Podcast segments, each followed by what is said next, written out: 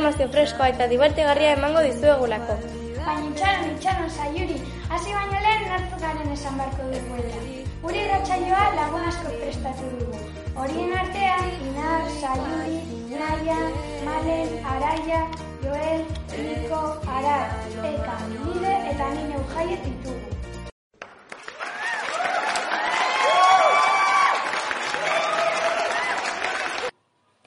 Jarraian, ekan, aratz eta niko munduko berri batzuen inguruan hitz egingo dizue.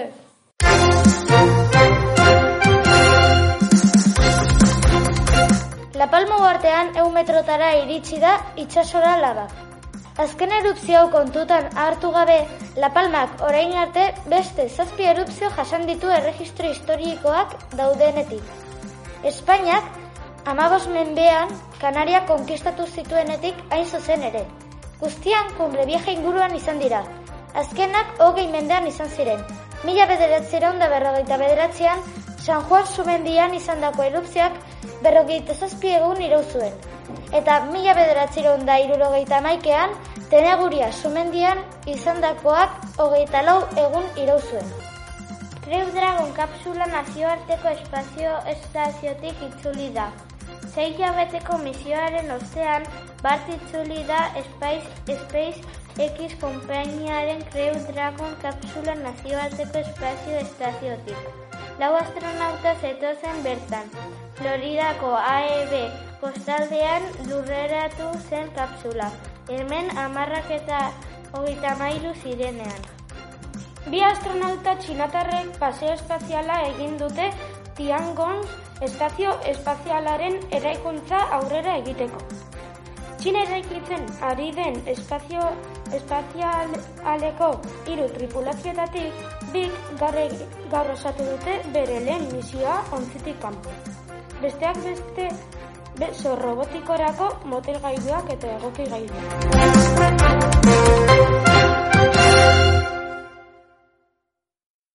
Ene, azten olako aldaketa eragiten duen sumendiak gure lurrean, beldurgarria, baina alaber ikusgarria. Bai, bai, ados nago zurekin. Beldurgarria ez, baina misteriotxua jaietek prestatu dizuen ipuin hau. Adi, ea zer gertatzen den.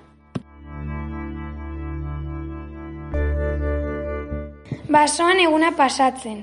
Egun batean, lori zeneko neskato batek etxetik alde egin zuen etxean eta familiarekin egoteaz nazkatuta zegoelako. Basora joan zen moko bere txakurrarekin. Bere motxila prestatu eta ospa egin zuen, bere familiak jakin gabe.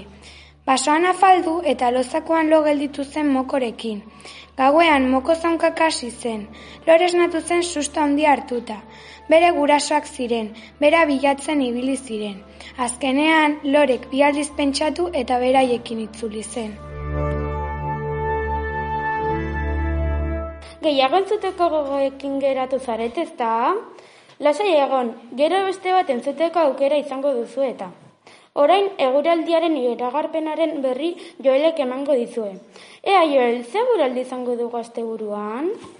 Aste honetan gutxi gora bera urnietan temperatura basuena minus bat izango da, eta altuena laugadukoa izango da. Beraz, ziurrenik elurra egingo duela. Beraz, etxetik atera behar dezue jantzi, jantzi txapela eta eskuraguak.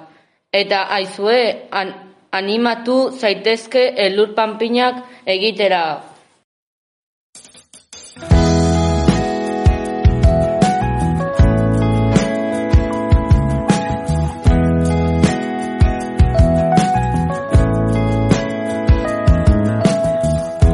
Mila esker Joel, eazuk esaten duzuna betetzen den eta denok primeran pasatzen dugun. Aizu araia, badakizu aurten seigarren mailan ekintza berri ugari egin ditugula? Lireketanik laburpentsoak prestatu dizuegu egingo ditugun ekintza horien ingurukoa. Entzun nahi? LH bosgarren mailakoek entzun arretaze behar bada datorren urtean zuek ere ekintza horiek egin ahal izango dituzue eta soñekoz mundua biluzik ezagutzeko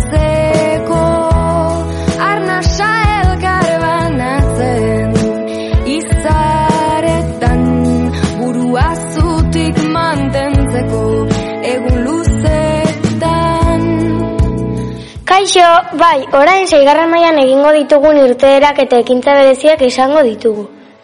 Otsaiaren amaikean emakumeen zintzialaren eguna da, eta hori ospatzeko ormairudi zoragarri batzuk prestatu ditugu. Otsaiaren amazazpian, donostiko txuri urdinera joango gara izozetan patinatzera. Gero gainera, ere, otxaiaren hogeita lau, hogeita bost, hogeita sei, hogeita zazpi eta hogeita zortzian, jai inauterien gatik, animatu mozorrotzera. Ondoren, martxoan, Bilbora joango gara, iria eta museoren bat edo beste bisitatzera. Martxoaren zortzian emakumen eguna da, eta ikastolan egun hori ospatzeko zerbait berezi egingo dugu. Martxoaren bederatzean ere zerbait berezia dugu. Odole maieti datoz guri gauzak esplikatzera. Ea ez den inor zora biatzen. Apirilak zortzian astesantuko oporrak daude. Asko disfrutatu eta deskantzatu. Eta ari zeigaren maiakoak gaztelekuan ekintzak egongo dira eta. Azkenik ekainak bi eta iruan arantzara joango gara lotara, eta bertan ekintza divertigarri asko egingo ditugu. Oso ondo pasatza espero dugu. Mila esker! Maite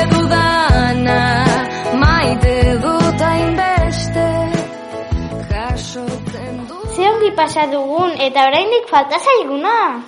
Bal zenekiten Eskozian nezez izeneko aintzira bat dagoela, eta txakur bat espaziora joan dela. Bai, zerbait entzun dut nez aintziraren inguruan, baina nolatan txakur bat espaziora. Entzun, entzun, inar eta dutena kontatzeko bi gauza hauen inguruan. Ian urte dira nesaintziran, Eskoziako iparraldean, itxasu gerraldoi bat, dragoi bat, edo gehienek esaten duten moduan, monstru bat bizi dira. Nesaintzirako monstrua. Deskriba, deskribapen eta argazki batzuen arabera, historia aurreko izaki bada, lepo luze eta buru txikikoa. Hainbat eta hainbat alegin egin dira enigma, enigma aurkitzeko, baina batek ere ez ditu zientzialariak konbentzitu. Haien ustez ezinezkoa da historia horreko izaki bat izate aurra. Garbi dagoen gauza bakarra da, nenesie, lemaiako erreklamo turistiko badela. Jende askur biltzen bai da intzirara, gure ikusteko esperantzaz. Kaleko txakurra espazioan. Kaleko txakurren bat zehazkiez esan da laika zuen izena. Sobit batasunak bidali zuen espaziora Sputnik bi espazio ontzian. Laika gaixoa zuziria jarti eta handik ordu batzetara hil zen. Baina esperimentuak erakutsi zuen izaki bizidunak atmosferaz araindi ere bizi zitezkeela. 2008 garren urtean, Errusiak oroigarrizko monumentu bat eskaini zion laikari.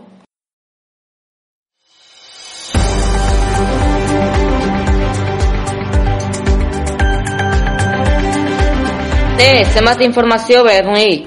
Oraingoan, kirolei emango diogu tartea. Inar, zer kontatzen diguzu? NBA Ameriketako estatu batuetako saskibaloi profesionaleko liga nagusia da. Toronto Raptors talde izan ezik beste guztiak estatu batuetarrak dira. Munduko jokadariko berenak NBA jokatzen dute, eta munduko saskibaloi ligalik hobenentzat hartzen da. Hauek izan dira NBA-ko historiako hamar jokalari honenak. Lehenengoa Michael Jordan, bigarrena LeBron James, hirugarrena Karen Abdul-Jabbar, laugarrena Bill Russell, bosgarrena Magic Johnson, seigarrena Will Chamberlain, zazpigarrena Larry Bird, zortzigarrena Tim Duncan, bederatzigarrena Kobe Bryant eta margarrena Squirrel O'Neal. Baltzenekien errealak bi aldiz jarraian irabazi zuela Espainiako Liga mila bederatziran da laurogeita bat eta mila bederatziran da laurogeita bian.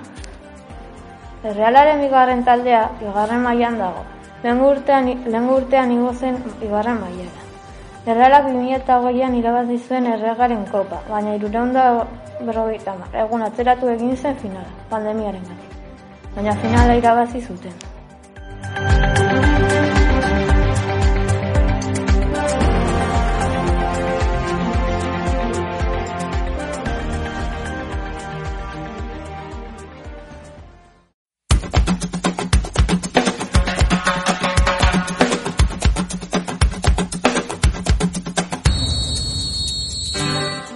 Aenoetako aforeoa orain euneko erdia da eta sarrerak azkar bukatzen dira.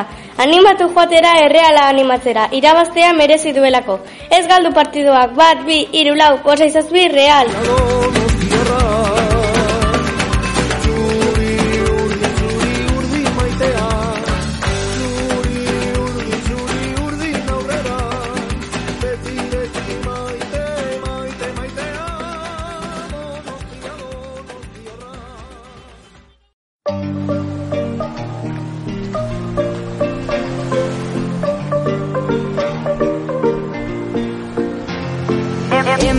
out I'm busy 나에겐 올게. I'm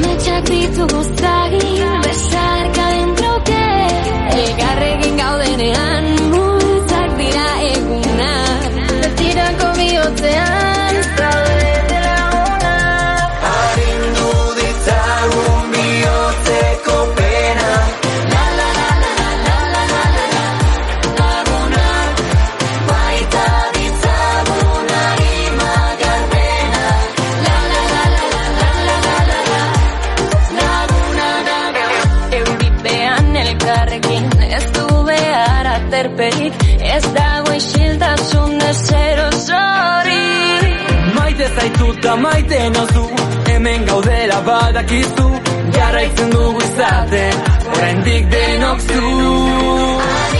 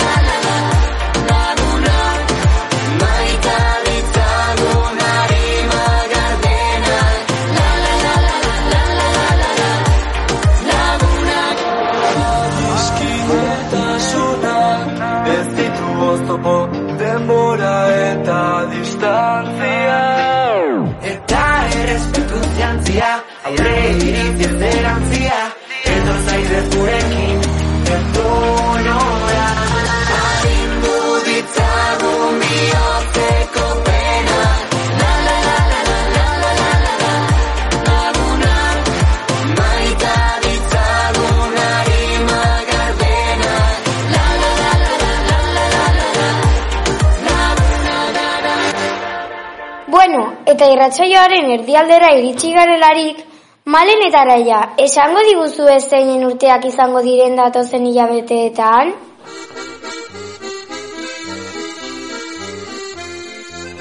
Zorionak Bosgarren amaiak urte betetzeak bi dira. Zienjak martxoak bederatzean egiten ditu urteak, eta enekok berriz martxoak amaikean. Bosgarren bemaiak urte betetzeak bi dira ere. Euri martxoak hogei eta Mai Marigil martxoak zazpi. Seigarren amaiako urte betetzeak beste bi dira. Oian eparragak otxaiako gehiean egiten ditu urteak, eta abdelek otxaiako geita batean. Zigarren bemaiako urte betetzea bat da. Iker martxoak lau. Zorionak guztioi!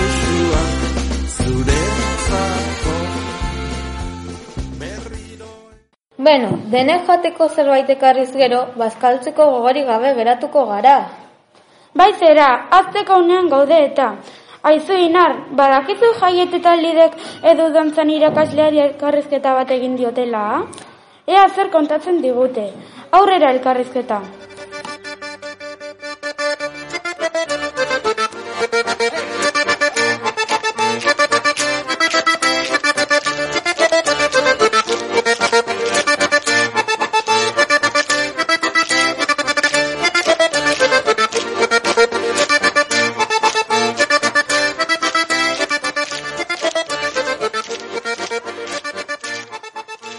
Kaixo edugu lide eta jait gara eta zuretzako galdera batzuekin gatoz Euskal Dantza ingurukoak.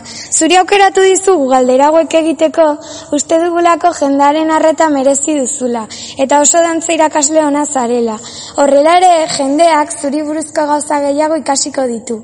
Espero dugu zure gustokak izatea. Guazen astera! Zenbat urterekin hasi zinen dantzan eta zenbat urte dara mazkizu egape dantza taldean dantza erakusten? Bai, kaixo bigote, ba, posen mandi da zuteolako elkarrezka datiteko, zango izo, eto indala, bueno, urte asko hasi nitzala txikitatik hasi nitzan dantza egiten, e, ba, gogoratzen dut lehenengo txapelketa zazpi urtekin nintula, eta bukatu nitun, ba, hogeta bost urte ondoren txapelketa guzti bukatu nitun. E, egape dantza taldean daramat hogeta bost urte aurten, 2000 eta hogeta bian hogeta bost urte ingo ditut, klaseak ematen, beraz, urte asko, urte desente dira. Non bizi zara, egunero etortzen zara urnietara? Ni bergarakoa naiz, baina donostin daramat hogeta maust urte, beraz, donostin bizi naiz, azken hogeta maust urtetan, da egunero etortzen naiz urnietara, bai klasek ematera eta bai dantzak egitera. Zergaitik aukeratu zenuen dantzako irakaslea izatea?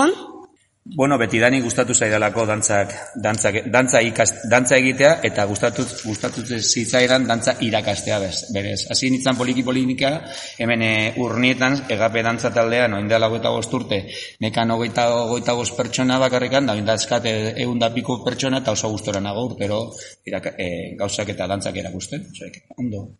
Eman, dantze ikasten ari diren neska mutikoentzako hiru aholku.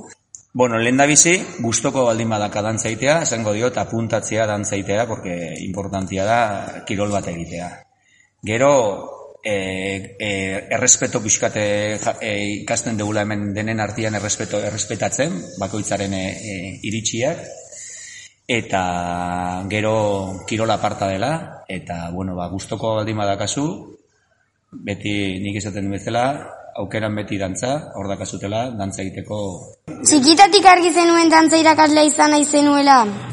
Ez, ez nekin, ez nekin hasi nintzen dantza egiten, zuen eradekin baita ere, e, guztoko nekan dantza egitea, ez nekin nire torkizune begira gertatuko zen, eta urtiak urtia pasata gero, ba, bai, azkenean e, irakasle bezala gelditu naiz, baina gustatuko litzadeke beti dani dantzari izetea baina ja bakizu e, e, iristen dela edade bat, ja dantzan, dantzan hor estenatokitan egiteko, ba, igual neurri batek moztu behar dezula, eta horregatik irakasren nago bain. Hau izan da dena, eta eskerrik asko gure galderi erantzuteagatik, edu. Ondo segi! Eskerrik asko bikote, mi esker da ondo segi zuek ere, eta beti dantzan, eh? Bai. Ze jatorra eta ze sorte duna garen edu bezalako irakaslea izateagatik. Bai, ados nago zurekin. Aizu araia, orain inarrek mikroipuña kontatuko digu. Aventura ondartzan. Bazen behin mutil bat Mikel izena zuen. Mikelek txakur oso polit bat zuen, lur izenekoa. Egun batean, Mikel ondartzen zegoen bere txakurrarekin. Uretan zeudela, bat batean marrazo bat atera zen uretatik. Mikel eta lur ikalatuta geratu ziren, eta korrika irten ziren uretatik. Segituan soroslea etorri zen eta esan zien. Lasa, imarazorrek ez du zer egiten. Azkenean, Mikelek eta lurrek osondo pasa zuten. Bai gertaera misteriotsua. Barre egiteko una iritsi da. Ea, niko eta ekan, txiste dibartegarri batzuk ekarri dizkiguzu ez da? Semegi zena itxuzia eta zarra naiz. Zer daukat? Nire semea? Daukazuna arrazoia da, ama. Aita, kalera noa. Esaten, esaten didazu edo baimena eskatzen didazu. Ez aita, dirua eskatzen dizut. Jaimitoren klasean irakaslea. Ikus dezagun, Jaimito. Joan arbelera eta idatze metraieta. Baina nola idazten da? Entzuten den bezala eta idazten du. Ratatatatatatatata. Irakasle, irakaslea, lapurtu naute. Eta zerken du dizute, etxerako lanak.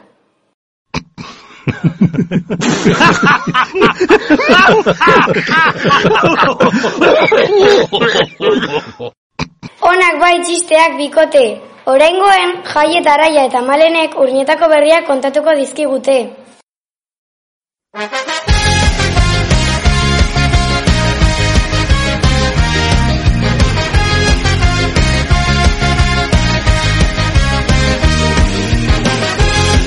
Gaztelekuan proposamen oso polita egin ziguten.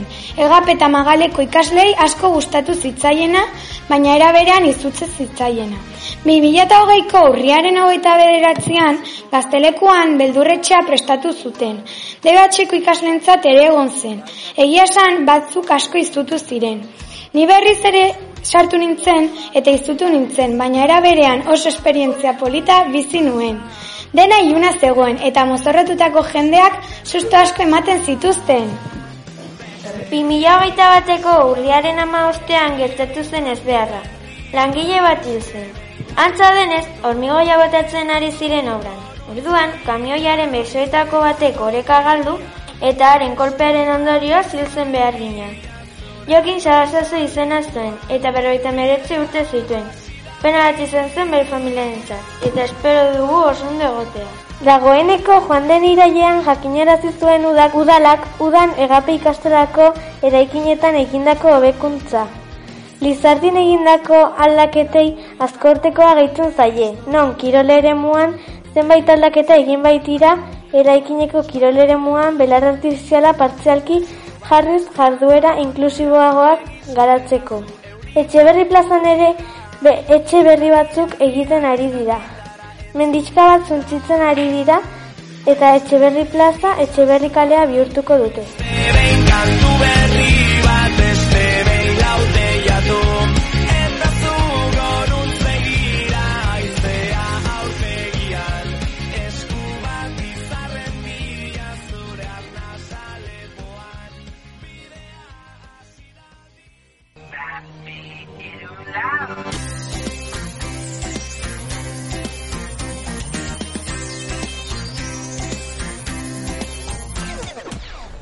Erosi guazeneko bost liburuak.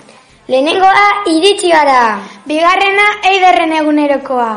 Hirugarrena maieren amona intzuen zerra. Laugarrena asteburu bat eskiatzen. Bosgarrena New York, New York. Oso politak eta entretenigarriak dira. Ezingo duzu irakurtzaz gelditu. Animatu erostera!